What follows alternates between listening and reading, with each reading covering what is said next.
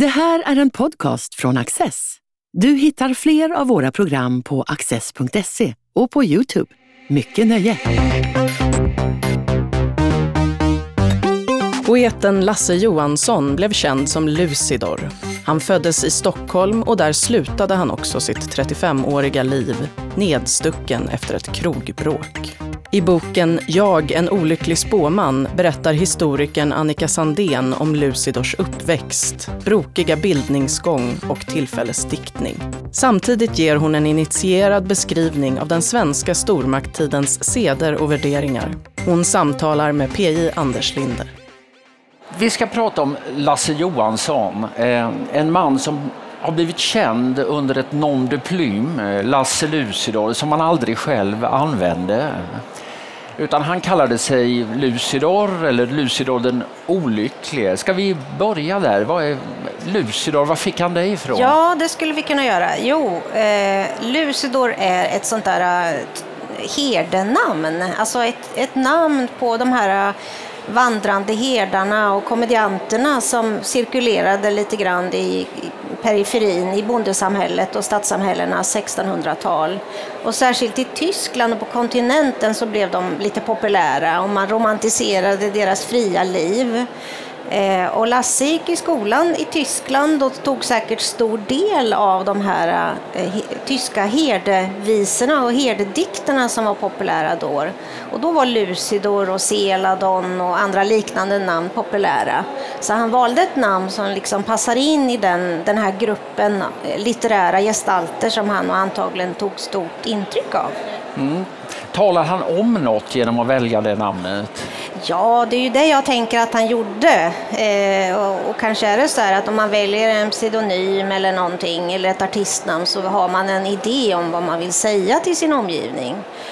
Eh, och just Lucidor var som sagt var ett ganska vanligt sånt där herdenamn, men det betyder också samtidigt, det hänger ihop med att vara en ljusbärare eller att komma med ljuset. Och, och jag tänker att han var en sån där person som kanske såg sig själv eh, har sett någonting som vi andra har missat. Eller han, han kom ju tidigt i sitt liv att lite grann hamna eh, vid sidan av på många sätt. Hans föräldrar dog tidigt och han var nog en ganska ensam person på det sättet. Att syskonen skingrades för vinden och sådär.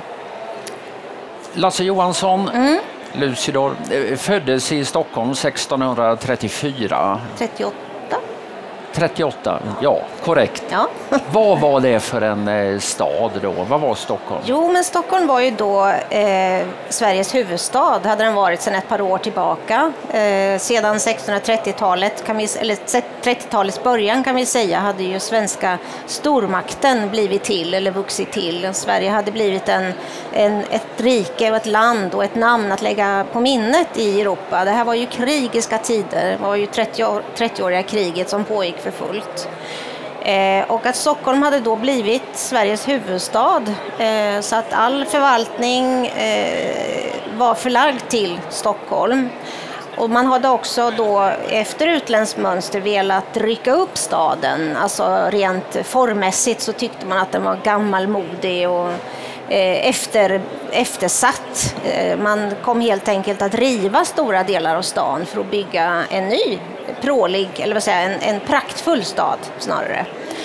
Eh, så Lasse föds liksom in i när man precis börjar göra de här första spadtagen till att, att eh, strama upp bilden av Stockholm, både till ytan och till innehållet så att säga. När han dör då 1672, eh, vad, så, eh, vad har hänt då? Är Stockholm jo, en förändrad stad? Ja, Stockholm är nog på många sätt en förändrad stad. Vi har ju dels eh, tre decennier av eh, tid har gått med svenska expansionen utomlands och vi har ju kungar som har dött och drottningar som har kommit och blivit krönta och avgått. Så det är mycket som har hänt, men också Stockholms stad till dess gestalt har ju förändrats i grunden. Eh, nämligen att det är, på Norrmalm inte minst och Södermalm så har man ju rivit de här gamla myllrande trähusgränderna, eh, eller de här trähusen som var där och så har man då byggt upp enligt tidens stil och smak och norm om raka fina gator med blänkande hustak och så vidare.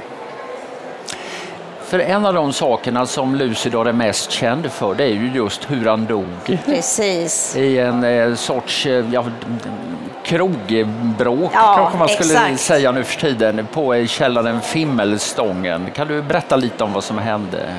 Jo, han är ju, han är ju som sagt var berömd för det. Eh, man skulle kunna tänka sig att det hände hela tiden i Stockholm i den här tiden och det var säkert inte alldeles ovanligt. Men det var väl just det här att han var känd också.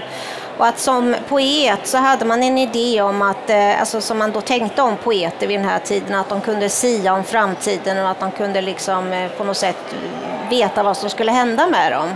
Och på det sättet så hade man då menat att, i efterhand i alla fall, antog man att Lasse hade spått sin egen död på det här sättet. Så den var liksom spektakulär redan när den hände.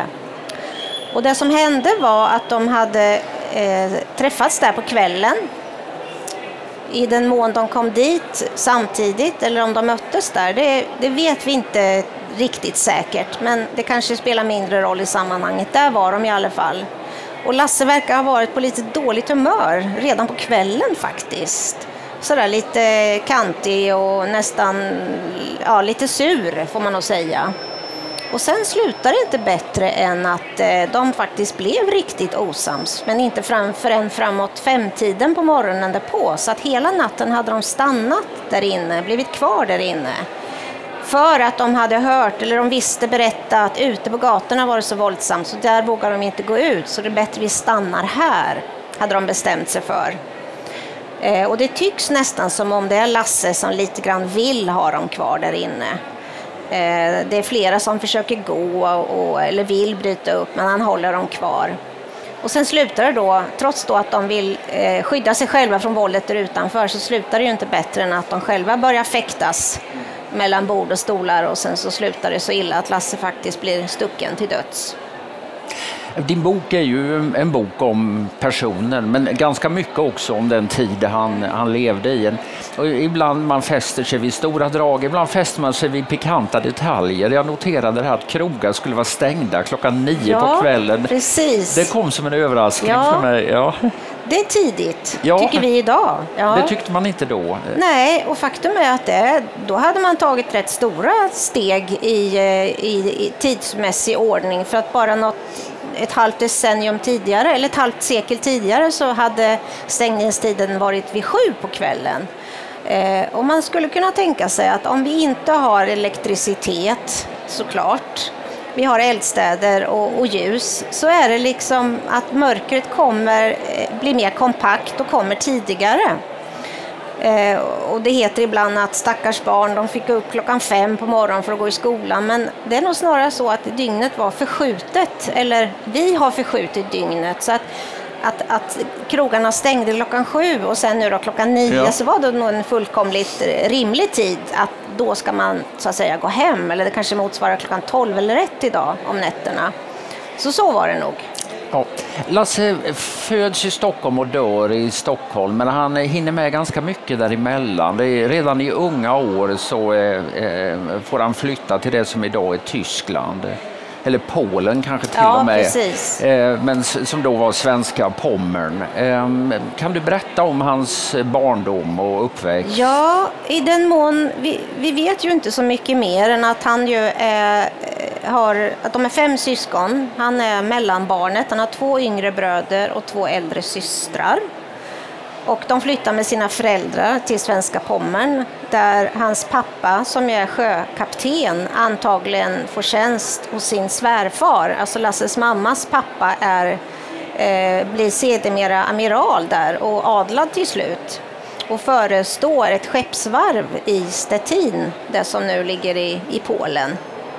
Eh, Så där hamnar Lasse och hans syskon tillsammans med sina föräldrar. Men föräldrarna går bort tidigt. Och vi vet inte riktigt varför, men han blir alltså då föräldralös tillsammans med sina syskon. Eh, Men att morfar och morfars nya hustru tar hand om barnen, men sen så går också han bort och hon. Så att Lasse och hans syskon står ju utan då närmare anhörig. Ja, man tänker ju att den här morfadern hade ju varit mycket framgångsrik Ja. och han blir adlad och, och eh, Eh, men ändå, liksom, barnen verkar inte ha så stor glädje av detta när han går bort. Det, det faller aldrig ut något arv, eller det, det, finns ett arv men det betalas aldrig ut. Precis. Ja, vad berodde det på? Alltså den här, eh, när Lasses morfar kände att nu är det inte långt kvar för mig här på jorden så skrev han ju testamente och där fick han ju då sin eh, arbetsgivare, eller den som han arbetade inför, Carl Gustav Wrangel, som ju var generalguvernör över Pommern, att bli eh, överförmyndare för de här barnen. Och det sa han ja till, men han la då det praktiska arbetet på en av sina underhuggare, Joakim Edling. Och denne Edling, han var en liten sån här eh, figur har man förstått. Han, var inte, han låg i fejd med ganska många personer har jag fått veta så här lite på scen så att han, han var nog en eh, lite skum figur och han lyckades faktiskt förskingra hela det där arvet, eller i stort sett stora delar av det här arvet. Så att Lasse fick eh, kämpa i nästan hela sitt liv faktiskt på att få ut det här arvet, eller sin del av det, men han fick aldrig det. Och det fanns kanske inte ens kvar då? Nej, när han då till slut dog, den här Edling, och pengarna skulle betalas ut så visade sig det var ju nästan ingenting kvar där. Men lite pengar fanns i alla fall så att det möjliggjorde för honom att gå på universitet. Ja. Först i Greifswald och sen i Leipzig så småningom. Han råkade i rätt mycket trubbel. Under, förut ser man här vad som komma ja, skulle lite grann. Ja. Han är ju spännande i den mån alltså han, han, han jäckar ju, eller han triggar ju. Man vill gärna liksom se att eh, han är typisk eller så. Vi vet ju egentligen in, inte så mycket om den saken. Men det är ju en kultur som är ganska så våldsam ändå bland studenterna. Eh, och de har värjor och det är på modet att duellera. Så vi kan ju tänka oss att det finns eh, många uppfattade anledningar till att starta bråk på olika sätt. Eh, men, men alla sprang ju inte längst fram i, i, liksom i, i tåget för de här, men det gjorde faktiskt Lasse. Han singlades faktiskt ut både i Greifswald och i Leipzig som frontfigurer för olika slags bråk. Ja, någon sorts studentuppror? Ja, det var ja. många studentuppror.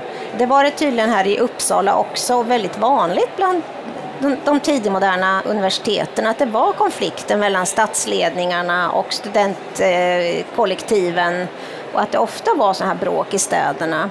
Därför att de här universiteten låg ju oftast mitt i städerna, precis som det är i Lund och i Uppsala idag. Eh, med där, där, studenterna har sina, sina, eh, där de bor och där, de går, eh, där universiteten ligger. Alltså så att de är ju i staden. Och det är tydligen vanligt med sådana här upplopp och bråk med stadsinvånarna och stadsvakten inte minst. Eh, och där i, både i Greifswald och i Leipzig, eller framförallt i Leipzig, så var det ett, ett mer organiserat upplopp. Där 150 studenter okay, ja. drev genom stan som en mobb och de var, gick bärsärk kan man säga. De slog sönder glasfönster och var inne i husen hos borgarna och sådär innan man då fick stopp på dem så hade de ju ställt till med en massa skada. Ja, och Lasse var en av anförarna här, och, och vilket också ledde till att han fick lämna eh, universitetet. Ja. Och sen ger han sig ut på resor, han är i Frankrike och Malmö och andra... Är, ja men precis, han, hans liksom i efterhand vet vi, eller med facit i hand vet vi att han landade i Stockholm till slut, men den banan är nog ganska krokig. Han kom till Stockholm via Uppsala. Exakt. Och han hade lärt sig många språk ja. under de här eh, ja, museet eller vad man ska ja, säga. Ja. Ehm, så det var tal om att han skulle få tjänst till och med vid Uppsala universitet, ja, men det blev inte riktigt så. Det blev inte så. Alltså, han hade ju en, nog en ganska ovanlig språktalang eller språkbegåvning. Det finns ju alltså Vissa människor är ju väldigt, har ju förmåga att lära sig olika språk. Och det verkar som att Lasse var en sån, eh, alltså ovanlig även för sin tid.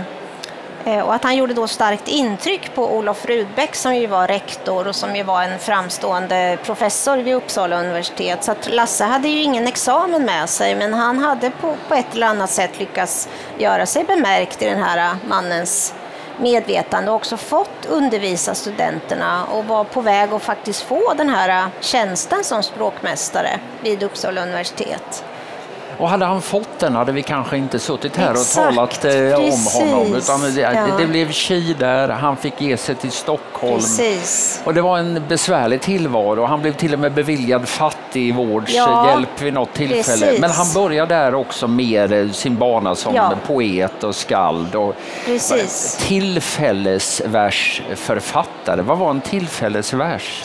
Jo, det var ju den här typen av eh, litterära alster som, som skrevs vid den här tiden. Alltså svenskan som litterärt språk stod inte så högt i kurs. Eh, utan man skrev på latin eller på franska eller sådär. Men att det börjar ju komma under 1600-talet att man börjar skriva högre litterära verk även på svenska. Men det man skrev var ju då, eh, upp, man uppvaktade prominenta personer vid deras bröllop och begravningar. Och ibland var de beställda, att man då skrev och eh, gav uttryck för sin stora eh, vördnad för den här är, ärevördiga personen och så kunde man då skriva det på ett skickligt sätt enligt tidens litterära genre och så kanske man fick en slant i belöning för det. Så att man, man skrev för att försörja sig, tror jag man kan säga att de flesta gjorde. Men eh, brukade de dikterna nå någon större publik eller var det bara just begravningsgästerna Ja, jag- eller bröllopsgästerna som, eh, som fick nys om de här Ja, jag dikterna? skulle tro att det nog i, i huvudsak är så att det här var eh, som beställningsarbeten för det aktuella sällskapet. Men sen så vet vi ju också att det fanns en massa olika sorts gravdikter. Det fanns ju de som var lite mer burleska, vissa framställda med, till djur, att man skrev en dag, gravdikter till knähundar och burfåglar och lite sånt där. Och då handlade det kanske lite mer om att man ville vara, att det var satir och att det skulle vara humor och sådär. Så då, det, det finns ju, vi kan åtminstone hålla dörren öppen för att det fanns en viss eh, spridning av de här diktverken.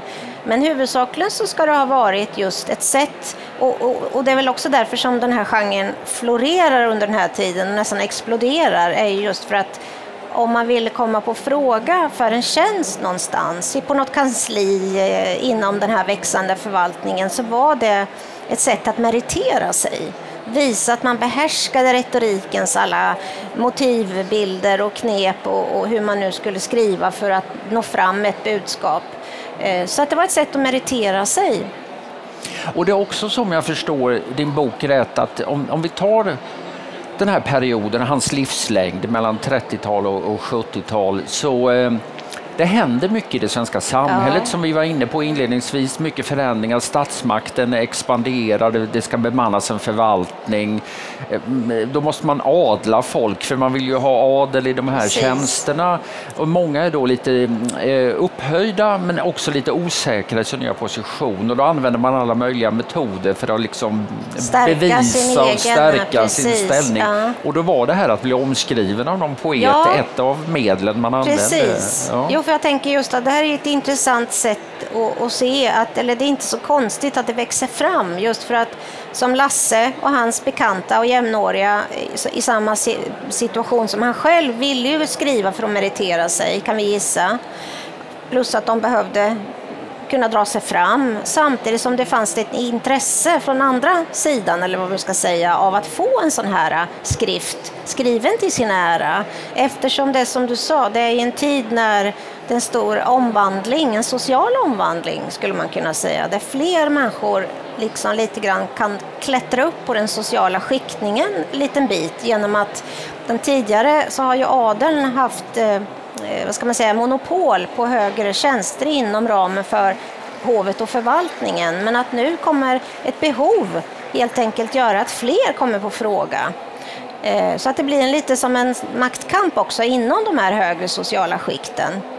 Att adeln vill gärna de genom eh, flotta begravningar visa att de är minsann av gammal adel och inte såna här nya uppkomlingar. Och de nya uppkomlingarna, eller de som har skaffat sig en position, vill ju göra vad de kan för att liksom befästa sin nya position. Och det här med att skriva tillfällesdikter, det var då fint och bra så länge man gjorde det på beställning. Precis. Men om man gjorde det som vi idag skulle spä på spekulation, Ja, precis. då var det o, till och med Det olagligt. blev o- olagligt, ja Va, precis. varför då? Jag gissar att det var, eller det var väl det här att man ville ha lite kontroll över vad som skrevs. Det här är ju före tryckförordningen och vi har ju på något sätt så att det fanns en censur och vi, de kronan ville ha kontroll helt enkelt. Så att den här, och att man fick inte tigga på det här viset. Det ansågs ju också vara tiggarskrifter, så det var inte lagligt. Det ville man förbjuda. Men det är intressant då, för vi vet ju med facit i hand att Lasse ju inte brydde sig om det och inte många andra med honom heller eftersom själva genren ju nästan exploderar just när det här förbudet kommer. Och han skriver en sån oombedd eh, och då olaglig Precis. dikt till en ung adelsman som Ja. gifter sig. Det går ganska bra. Han får en Ja. anständig summa Ja, pengar för denna. ja. Och sen bestämmer han sig för att göra om det här konststycket Precis. till brodern. Ja. Och då slutar det i rena katastrofen. Det får man nog kan säga. Berätta om ja, nej, det var, det var, man får nog säga en regelrätt katastrof. För att han, han som sagt var, han tyckte ju att det här gick ju så bra, så jag gör det igen. Eh, men av någon anledning så hade han nog ändå tvekat lite grann om han skulle skriva eller inte. Så han hade, vet vi nog eh, så här långt senare, att han hade fått hasta med det här. Men han hade då skrivit den här dikten eh, till brodern Gyllenstierna på det här temat eh, giljarens kval, alltså eh, friarens vedermödor.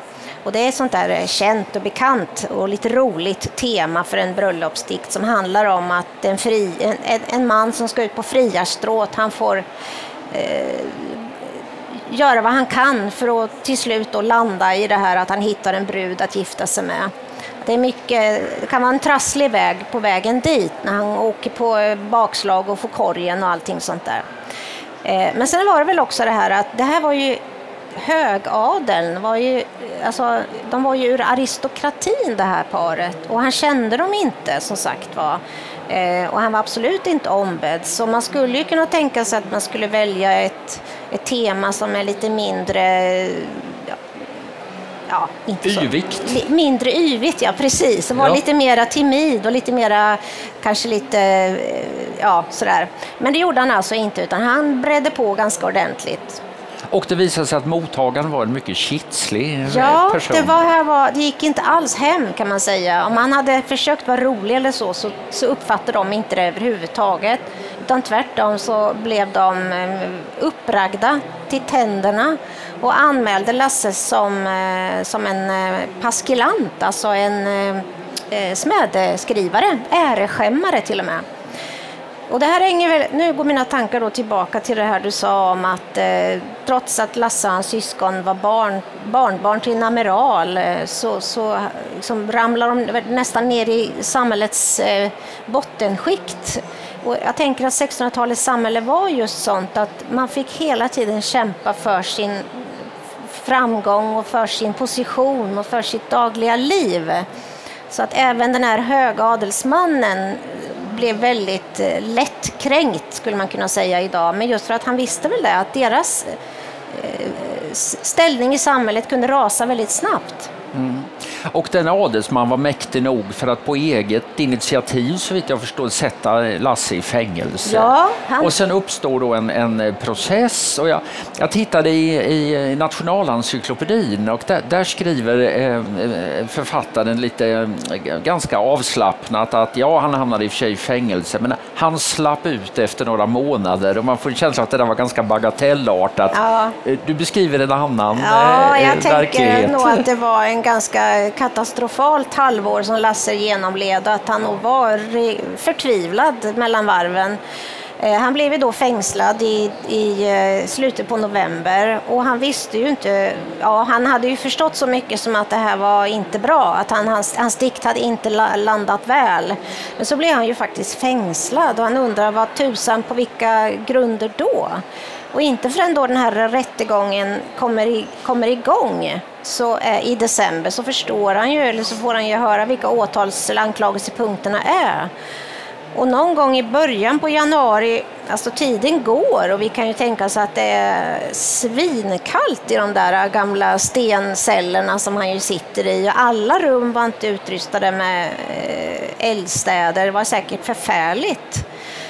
Och där satt han utan att riktigt veta vad som skulle hända med honom. Och den här käranden och dennes ombud var rätt ovilliga ja, att precisera ja, vad det var precis. som var fel egentligen. Ja, eller de hävdade ju då att han hade förtalat dem och, så, och, och drev ju det att det här var en förtalsskrift. Det här var en ärekränkning av rang som han hade gjort sig skyldig till och ville då peka på, på punkter efter punkt i Lasses text där han gör sig skillnad till den här ärekränkningen.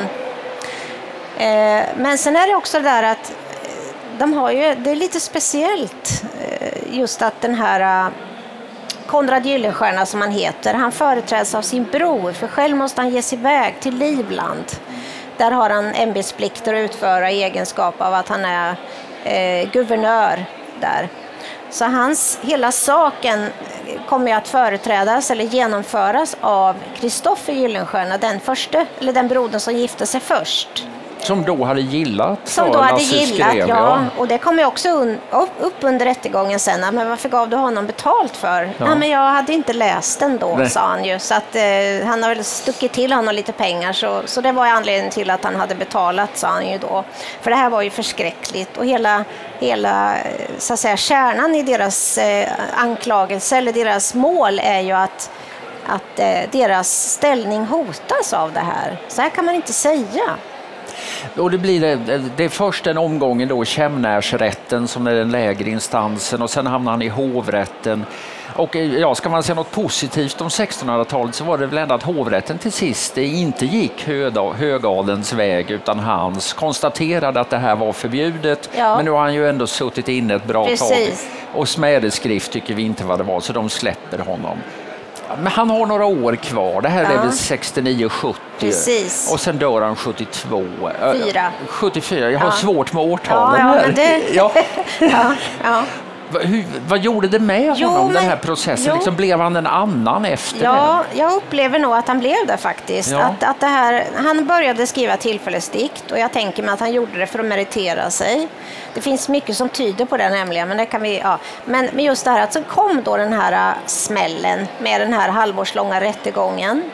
Och efter det, alltså han, de allra flesta tillfällesdikter som han skriver i tid ju, skriver han ju efter den här rättegången eftersom han ju precis hade börjat då. Så när han dör så har han ju skrivit de allra flesta eh, skrifter efter rättegången. Men det, det, det tycks också påverka honom. Det är flera gånger i den här äh, efter rättegången som han liksom ber om ursäkt för att Åh, om jag är plump så menar jag ingenting och då ska jag genast sluta, skriver han i dikterna. Eh, och sen en intressant sak att när han skriver till såna här högadelsmän, särskilt då till högadelsmän, eh, som i begravningsdikter eller bröllopsdikter, då är han väldigt så här eh, att jag, ja, ja, jag kan ju inte skriva så att jag, och det vet ju alla att han kan och det vet vi att han kunde. Så jag tänker att det där är någon form av att han vill aldrig någonsin mer råka hamna i den situationen som han ju gjorde då.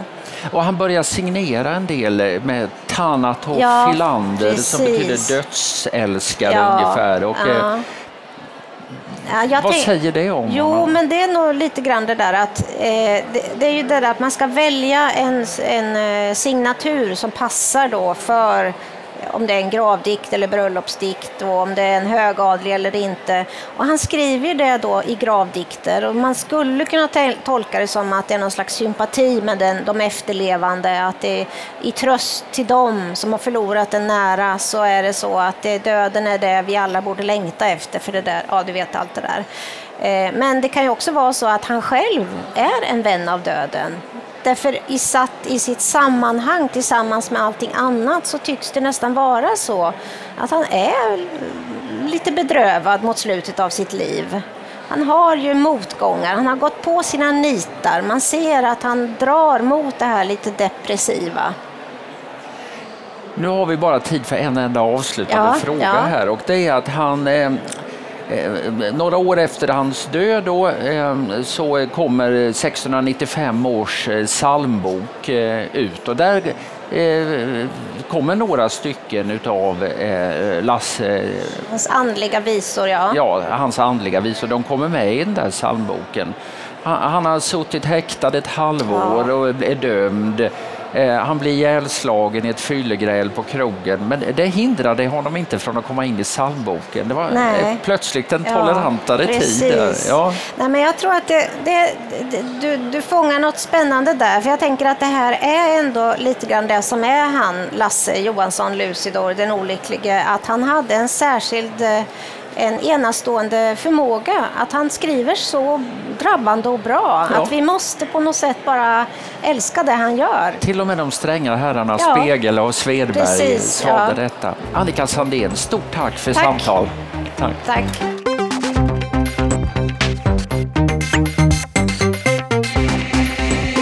Du har just lyssnat på en podcast från Access. Du vet väl att vi också är en tv-kanal och tidning?